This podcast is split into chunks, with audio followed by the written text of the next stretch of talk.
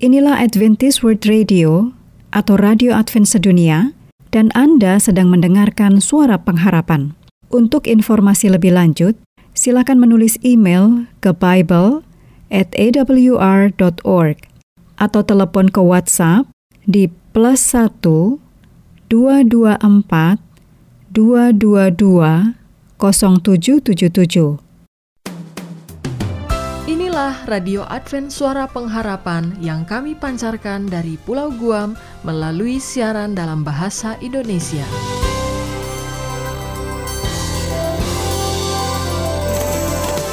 Salam sejahtera kepada saudara pendengar di mana pun Anda berada. Selamat berjumpa kembali dengan kami Radio Advent Suara Pengharapan. Dengan senang hati kami akan menemani Anda dan keluarga dengan rangkaian acara yang telah kami persiapkan bagi Anda sekeluarga dan harapan kami kiranya siaran ini dapat bermanfaat dan menjadi berkat bagi kita semua. Selamat mengikuti dan selamat mendengarkan. Tuhan memberkati.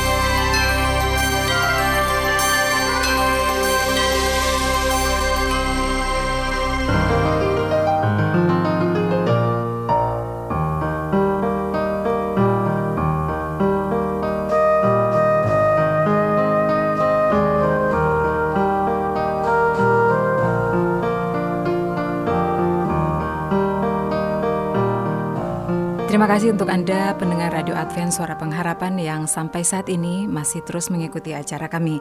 Dan pada saat ini kita akan memasuki satu segmen yang sangat menarik yang akan membahas tentang berbagai hal seputar wanita dalam serba-serbi wanita.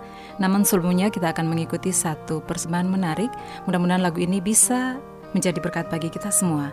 Dari studio kami ucapkan selamat mendengarkan.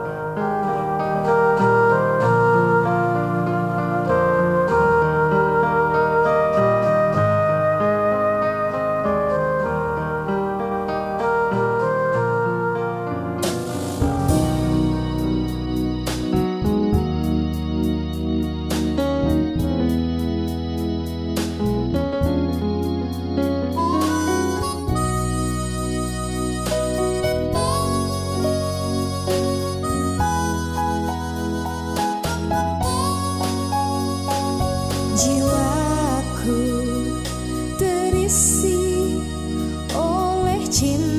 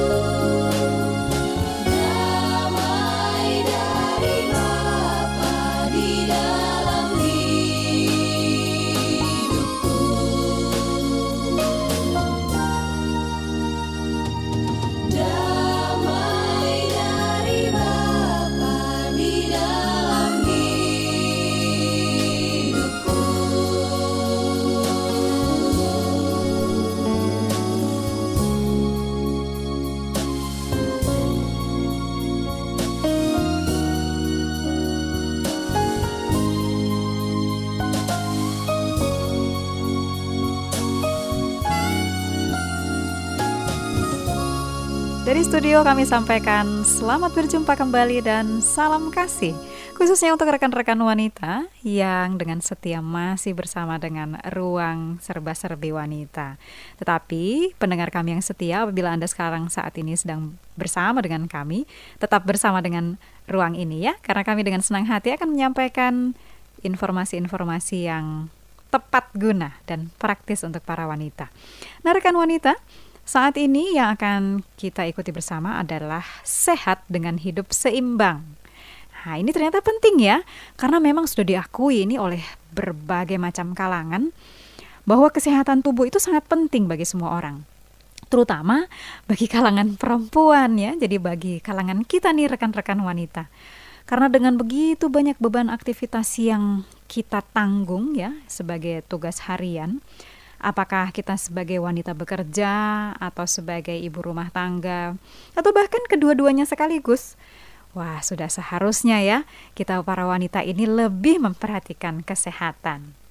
Nah, terlebih lagi untuk rekan-rekan wanita yang tinggal di kota-kota besar. Wah, itu sudah tidak bisa ditolak lagi. Aktivitasnya itu sering sekali padat ya.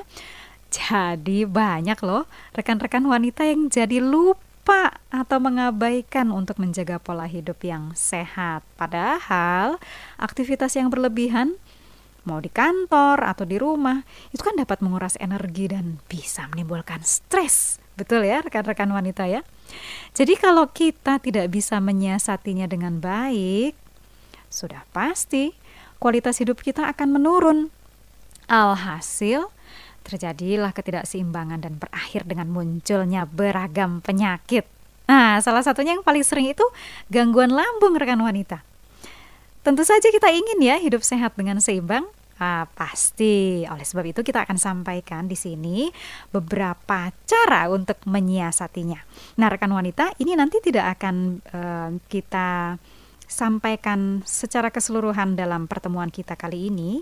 Oleh sebab itu, nanti kita akan lanjutkan dalam pertemuan yang berikutnya. Tetap bersama dengan saya untuk melihat apa nih siasat yang pertama supaya kita sehat dengan hidup seimbang. Yang pertama adalah pola makan yang benar dan teratur. Ya, bagi perempuan yang aktif bekerja dengan waktu yang sempit, sering kali lupa ya jadwal makan Padahal pola makan yang tidak teratur merupakan salah satu faktor utama penyebab penyakit lambung. Apalagi jika ditunjang dengan pola makan yang tidak sehat. Seringkali di saat makan siang, ini para perempuan atau wanita yang bekerja ya, yang sibuk, eksekutif-eksekutif nih, karena waktunya sempit jadi tergoda untuk menyantap makanan yang berlemak, bumbu pedas, tambah lagi minuman bersoda atau soft drink. Kemudian kalau aktivitas lembur nih, Wah, tergoda juga. Bahkan kadang-kadang pilihannya adalah lebih kepada konsumsi-konsumsi seperti kopi ya dan secara berlebihan, lalu e, cemilan-cemilan yang tinggi gula. Padahal rekan wanita, kafein pada kopi itu mampu meningkatkan produksi asam lambung. Jadi jika pola makan seperti ini dibiarkan berlarut-larut, sudah pasti penyakit mah itu akan menyerang rekan wanita ya. Nah, solusinya bagaimana nih? Kita perlu membiasakan untuk menepati jadwal makan dengan jumlah kalori yang cukup sesuai yang dibutuhkan oleh tubuh. Jadi rekan wanita usahakan nih dalam sehari kita makan tiga kali dengan menu yang sehat dan seimbang. Jangan lupa harus minum air putih minimal 8 gelas sehari dan kalau perlu ya, kalau perlu nih boleh ditambah dengan multivitamin, walaupun itu bukan sesuatu yang harus ya. Air putih itu yang paling penting dan harus dipenuhi. Nah, hindarilah minuman bersoda dan berkafein. Kalau memang betul-betul rekan wanita ingin terhindar dari segala macam penyakit lambung atau dari serangan mah ya. Jadi itu tentang pola makan yang benar dan teratur. Nah, tips berikutnya untuk hidup sehat seimbang adalah tidur yang cukup. Nah, ini dia nih. Umumnya manusia memang memerlukan waktu tidur 7 sampai 8 jam setiap malamnya itu untuk um, perhitungan dewasa ya. Namun perempuan atau wanita dengan multitasking sering mengabaikan hal ini. Bahkan tak jarang dari mereka sering mengalami gangguan tidur. Ini ada penelitian ya, rekan wanita dari para dokter di University of Newcastle, Inggris. Jadi wanita-wanita yang sering kerja malam, begadang ataupun berpergian jarak jauh itu membuat tubuh jadi lelah, kurang tidur dan berisiko tinggi mengalami penyakit pada pencernaan yang disebut dengan tuka pencernaan ya. Tuka pencernaan ini jenis penyakit akibat ada luka yang terbuka pada dinding lambung atau usus 12 jari. Nah, di dalam usus kita itu ada satu zat kimia disebut dengan TFF2 yang bisa memperbaiki kerusakan jaringan. Zat ini, TFF2 ini hanya diproduksi ketika kita tidur. Luar biasa ya rekan wanita. Jadi protein TFF2 ini yang bisa memperbaiki kerusakan jaringan hanya diproduksi ketika kita tidur. Protein ini akan meningkat 340 kali selama kita tidur.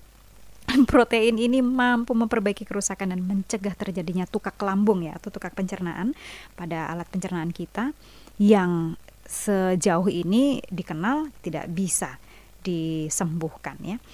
Nah, karena itu bila seseorang kekurangan tidur, itu akan menurunkan kadar zat tersebut ya, kadar zat TFF2 ini sehingga mempertinggi kemungkinan mengidap tukak lambung. Jadi solusinya apa ya rekan wanita? Kita akan upayakan untuk mengkonsumsi uh, minuman yang hangat sebelum tidur ya beberapa malam untuk mengembalikan ritme tidur kalau kalau sulit tidur.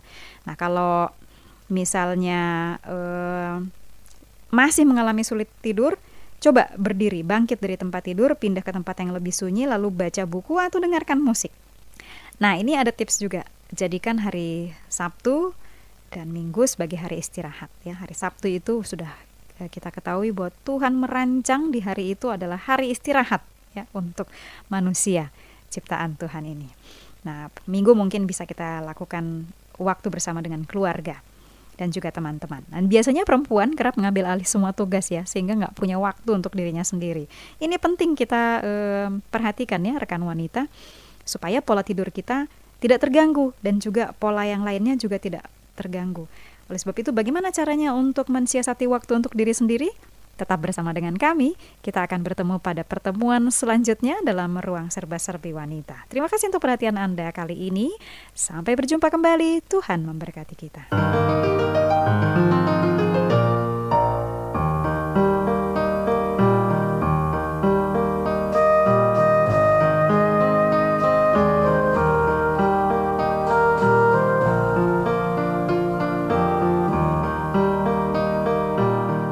Sudah pendengar demikianlah acara serba-serbi wanita yang telah kami hadirkan ke ruang dengar Anda. Kiranya acara tadi bisa menjadi berkat bagi kita semua dan sampai jumpa pada episode berikutnya.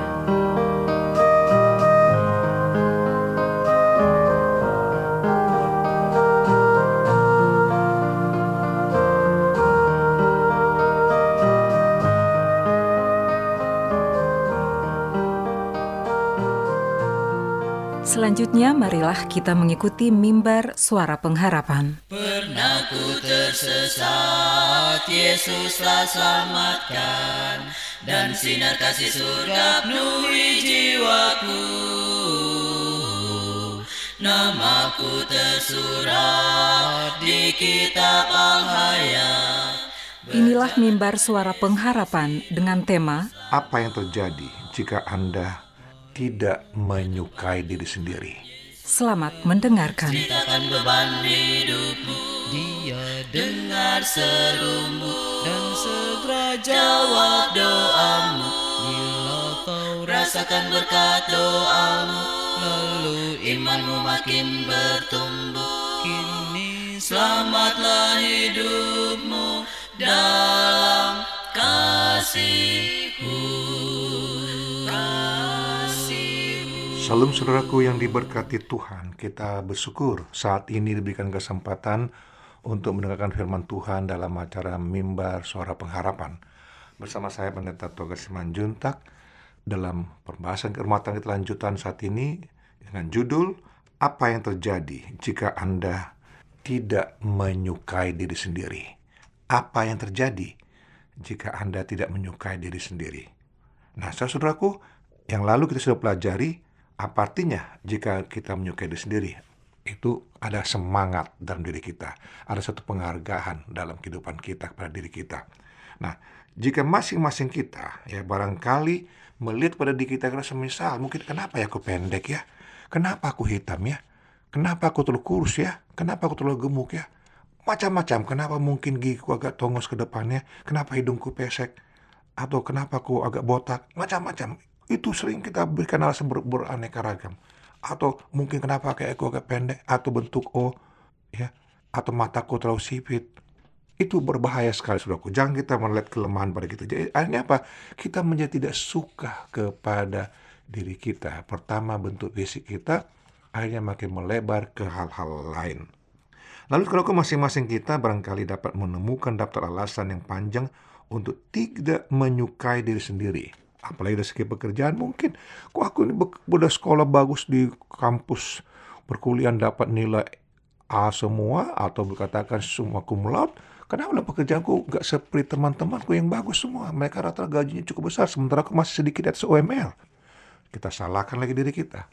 Ya itu sangat berbahaya Terus kemudian tiba-tiba ada penyakit lagi menyerang kita. Kenapa aku penyakit darah aku demen terong obatku nggak cukup atau cuma ini? Ah, salahkan lagi diri kita. Banyak daftar yang akan muncul kita bisa buat membuat diri kita tidak akan senang. Ya. Nah, karena kita membenci diri kita sendiri gara-gara itu. Walau waktu akan tiba ketika kita merasa bahwa tidak ada orang lain yang pernah mengalami apa yang kita hadapi. Kita rasakan tuh. Pas sebenarnya saudaraku, apa yang kita alami itu sebenarnya banyak yang jauh lebih berat dialami orang-orang yang sekitar kita. Banyak saudaraku. Saya ingat waktu dulu saya merasakan ketika uh, masih kecil, ketika masih SMP gitu, SMP SMA, lalu uh, ke sekolah dengan sangat terpaksa saya kadang-kadang naik sepeda tua atau naik angkot angkutan umum. Karena saya bilang, kenapa saya mesti pakai ini ya? Orang lain saya lihat ada saya motor, diantar sama orang tuanya atau gimana.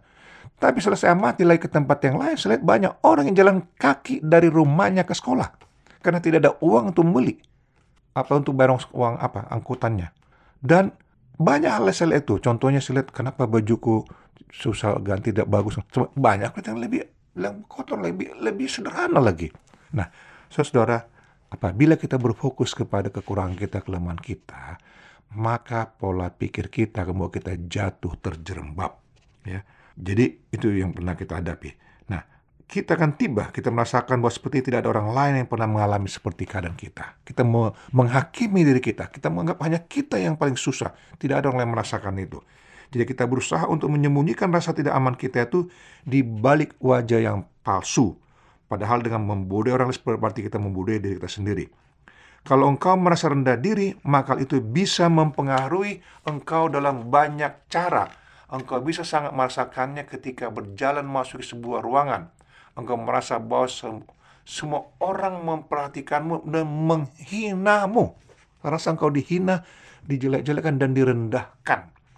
Engkau sanksi apakah penampilanmu sudah benar, sudah oke, okay, atau memberikan perhatian aneh. Apakah kancing baju saya justru cukup tertutup semua? Apakah warna baju saya matching atas dengan bawahan? Atau ada aneh-aneh warna? Lalu apakah tangan saya harus bagaimana? Jalan saya bagaimana? Apakah bisa segala macam timbul pertanyaan yang membuat kita mencari celah-celah cara untuk hal yang kesalahan dalam diri kita sendiri. Itu sangat berbahaya. Nah, saya saudaraku, rasa suka tidak suka itu dari kita bermula dari perasaan kita sendiri. Jadi apa jadinya? Apa jadinya jika engkau tidak menyukai dirimu? Apa jadinya jika engkau selalu mencari kelemahan pada dirimu? Apa jadinya jika engkau juga suka membanding-bandingkan dirimu dengan orang yang sukses? Ya, kau lihat kekuranganmu, engkau lihat kelebihan orang lain, kesusahan orang lain, hanya engkau akan jatuh terjerembab. Maka dikatakan, engkau akan membuat dirimu sangat pekah terhadap tudingan orang lain, sangat pekah terhadap orang yang seolah-olah membenci engkau, menghina engkau. Bagaimana sikapmu? Bila seseorang memuji bajumu.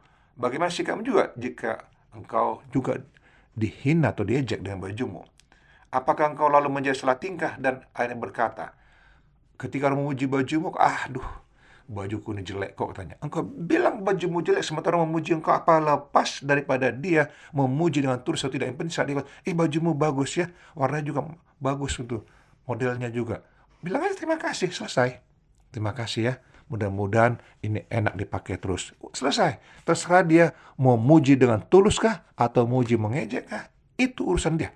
Yang penting yang engkau dengar dari bibirnya mulut adalah menyatakan bajumu bagus bagus, bagus, warnanya matching, modelnya bagus. Si otak terima kasih. Maka engkau menaikkan harga dirimu sendiri. Tapi kalau katakan, ah baju ini jelek kok murahan, habislah. Maka engkau pun menempatkan dirimu di tempat yang jelek dan murahan. Nah, itu saudaraku. Lalu kalau engkau menanggapi seperti itu, maka engkau pun akan mengabaikan seleramu, posisimu, harga dirimu. Ya, itu dari di hadapan temanmu sendiri. Jadi seharusnya bagaimana kita menanggapinya? Terima kasih saja, ucapan terima kasih. Terima kasih, semoga ini bisa saya pakai uh, dengan baik dan seterusnya. Ya, cukup. Lalu saudaraku, rasa rendah diri juga menyatakan diri dalam lamunan kita.